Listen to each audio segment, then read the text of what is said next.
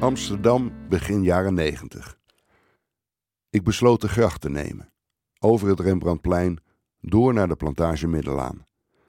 Met mijn armen over elkaar gekruist, leunend op het stuur, fiets ik als een echte tijdrijder. Het verschillende wegdek zoeft onder mij vandaan. Bij de rotonde met rechts schuin voor mij het Tropenmuseum besluit ik een stukje af te snijden en dus tegen de richting in te gaan. De trambaan deed dienst als fietspad. Het was al later dan de laatste tram had gereden. Als er wegwerkzaamheden zijn, dan wordt dit vooraan netjes gemeld betreffende de weggebruikers. Maar als je, zoals ik, vanaf de andere kant kwam, niet. Ik keek op van mijn fiets en voor mij zag ik een gapend gat.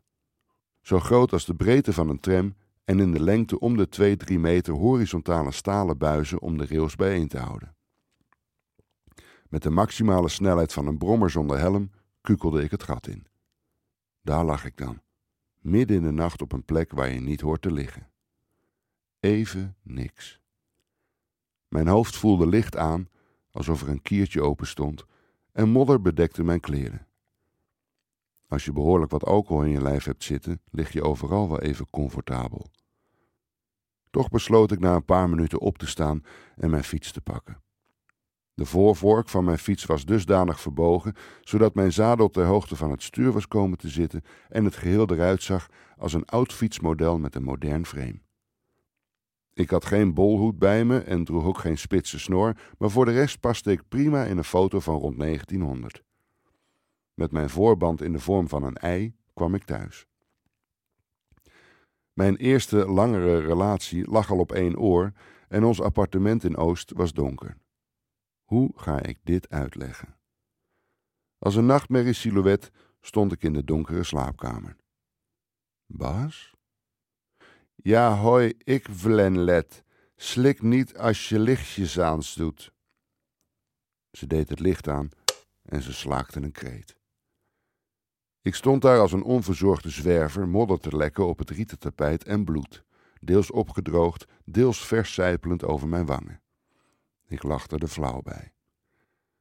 Ze deed me onder de douche en aangekomen in bed hoorde ik haar vragen nauwelijks.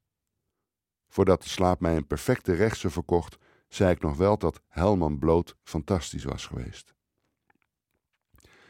Mijn vriendin maakte zich zorgen over ons en de volgende dag ben ik vergeten te leven. Gek genoeg moest ik hier aan terugdenken toen Annette mij wat meer vertelde over haar man. Hij was alcoholist, wist je dat? Ja. Hij had een vaste kruk, daar, in het café. Op den duur ging hij daar iedere ochtend naartoe en kwam laat in de middag weer terug. Hij wilde altijd vroeg gaan slapen. Ik knikte. De hele dag drinken en daarna vroeg willen slapen, dat begrijp ik wel. De concessie die je maakt om te besluiten om niet thuis te zijn, maar in een café, en te denken dat de mensen daar het fijn vinden dat je er bent, is de logica van een alcoholist. Thuis is waar ik ben. Annette kijkt naar beneden en ziet in het tramgat haar man liggen. Hij ligt in een kribbe van modder en zand, omringd met een ziel van staal.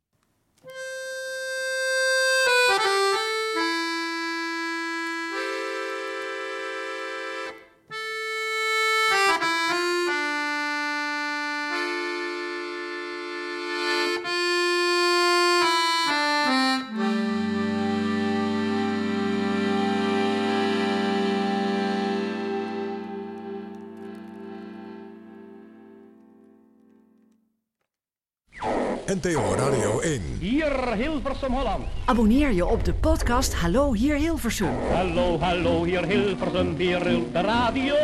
Krijg elke week een mooi verhaal over de rijke geschiedenis van 100 jaar radio. Door Vincent Bijlo en Ger Jochems. Uw vinding brengt in een menig huis geluk en harmonie. Audioreis van Paulus de Boskabouter langs Ron Flon Flon, de arbeidsvitamine en Candlelight tot GBJ Hilterman en andere legendarische radioprogramma's.